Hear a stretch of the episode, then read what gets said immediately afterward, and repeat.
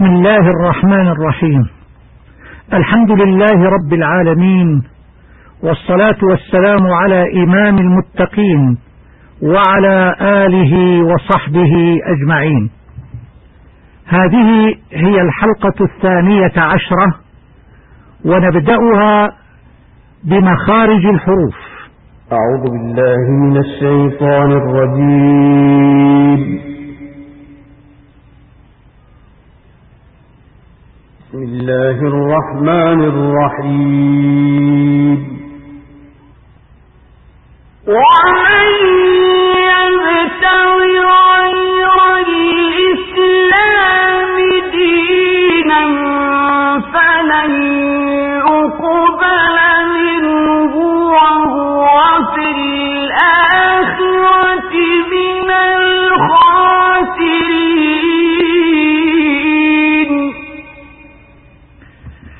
إذا أردت التلاوة الصحيحة فلا بد لك من أن تخرج كل حرف من مخرجه.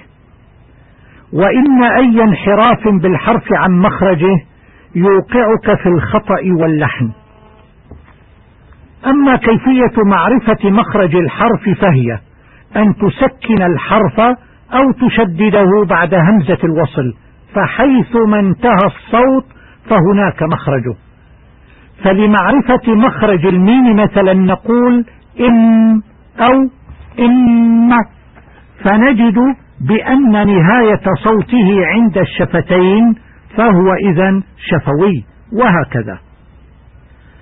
وقد قسم العلماء المخارج إلى خمسة رئيسة تنطوي على سبعة عشر مخرجا تفصيلية. قال الإمام ابن الجزري مخارج الحروف سبعة عشر على الذي يختاره من اختبر. أما المخارج الرئيسة فهي الجوف الحلق اللسان الشفتان الخيشوم. أولا الجوف وهو الخلاء الداخل في الحلق والفم. وفيه مخرج واحد لثلاثة أحرف. الألف الساكنة المفتوح ما قبلها والواو الساكنة المضموم ما قبلها والياء الساكنة المكسور ما قبلها وهي حروف المد وتسمى حروف الجوف أو حروف العلة أو الحروف الهوائية. ثانيا الحلق وفيه ثلاثة مخارج لستة أحرف. المخرج الأول أقصى الحلق مما يلي الصدر ويخرج منه الهمزة والهاء. المخرج الثاني وسط الحلق ويخرج منه العين والحاء. المخرج الثالث أدنى الحلق من جهة الفم ويخرج منه الغين والخاء. وهذه الحروف الستة هي نفس حروف الإظهار الحلقي التي برت بنا سابقا وتسمى الحروف الحلقية. ونتابع في الدرس القادم بقية المخارج. الخلاصة مخارج الحروف الرئيسة خمسة وهي الجوف الحلق اللسان الشفتان الخيشوم. أولا الجوف يخرج منه حروف المد الثلاثة الألف الساكنة المفتوح ما قبلها والواو الساكنة المضموم ما قبلها والياء الساكنة المكسور ما قبلها. ثانيا الحلق. وفيه ثلاثة مخارج لستة حروف. هي أولا أقصى الحلق الهمزة والهاء. ثانيا وسط الحلق العين والحاء. ثالثا أدنى الحلق الغين والخاء. التدريب كم عدد المخارج الرئيسة؟ الجواب مخارج الحروف الرئيسة هي خمسة. الجوف والحلق واللسان والشفتان والخيشوم. السؤال الثاني كم عدد المخارج الفرعية؟ الجواب مخارج الحروف الفرعية سبعة عشر. قال ابن الجزري مخارج الحروف سبعة عشر على الذي يختاره من اختبر. السؤال الثالث من أين تخرج حروف الإظهار؟ الجواب تخرج حروف الإظهار من الحلق فمن أقصى الحلق تخرج الهمزة والهاء ومن وسط الحلق تخرج العين والحاء ومن أدنى الحلق تخرج الغين والخاء. السؤال الرابع من أين تخرج حروف المد؟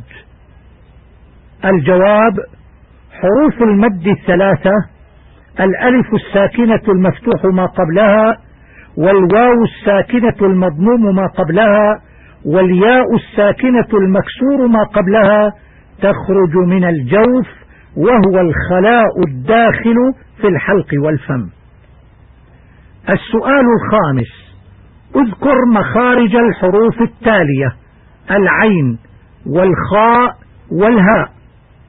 الجواب العين مخرجها وسط الحلق. الخاء مخرجها أدنى الحلق.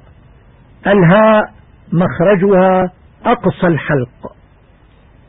السؤال السادس هل تذكرون لنا ملخصا للمدود. نعم. المدود تنقسم إلى قسمين.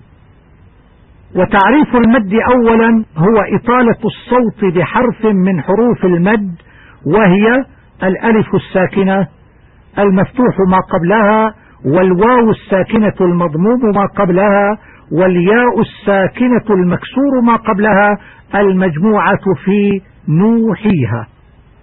وكما ذكرنا تنقسم إلى قسمين رئيسين.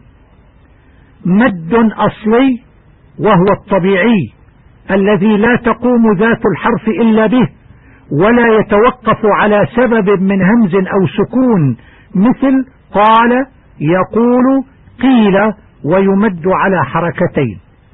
والقسم الثاني هو المد الفرعي وهو ما كان بسبب الهمز أو السكون. أما المد الأصلي الطبيعي يلحق به مد البدل وهو مد الحرف المبدل عن همز ساكن بعد همز مثل آمن إيمانا أوتي. العوض وهو الوقف بالألف على تنوين النصب مثل كتابا. الصلة الصغرى وهي الهاء بين متحركين مثل ما له يتزكى. الطبيعي الحرفي وهو حروف حي طهر حا يا طا ها را مثل طه. ومد التمكين وهو ياءان أولاهما مشددة مثل حييتم أو واو مدية ساكنة بعدها واو متحركة مثل آمنوا وعملوا وياء مدية ساكنة وبعدها ياء متحركة مثل الذي يوسوس في صدور الناس. أما المد الفرعي فله فرعان وهو ما كان بسبب الهمز أو السكون. فما كان بسبب الهمز يمد أربع أو خمس حركات وهو قسمان. واجب متصل يكون حرف المد والهمزة بكلمة واحدة مثل جاء جيء سوء.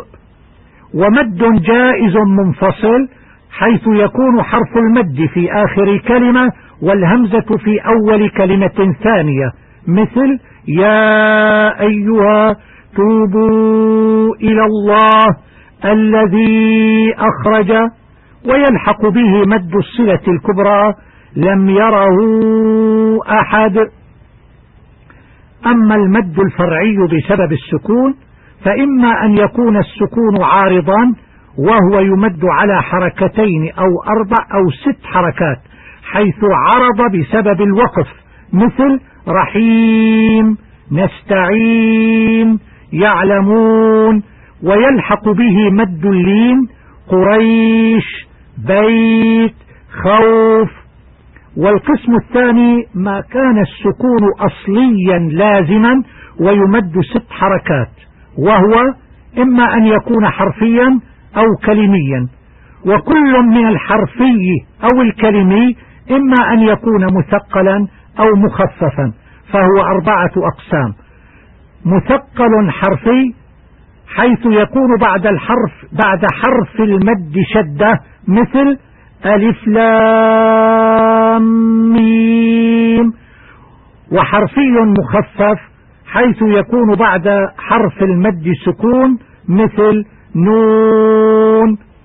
أما الكلمي المثقل فيكون بعد المد شدة مثل الطامة أو يكون مخففا حيث يكون بعد حرف المد سكون مثل الآن الوصية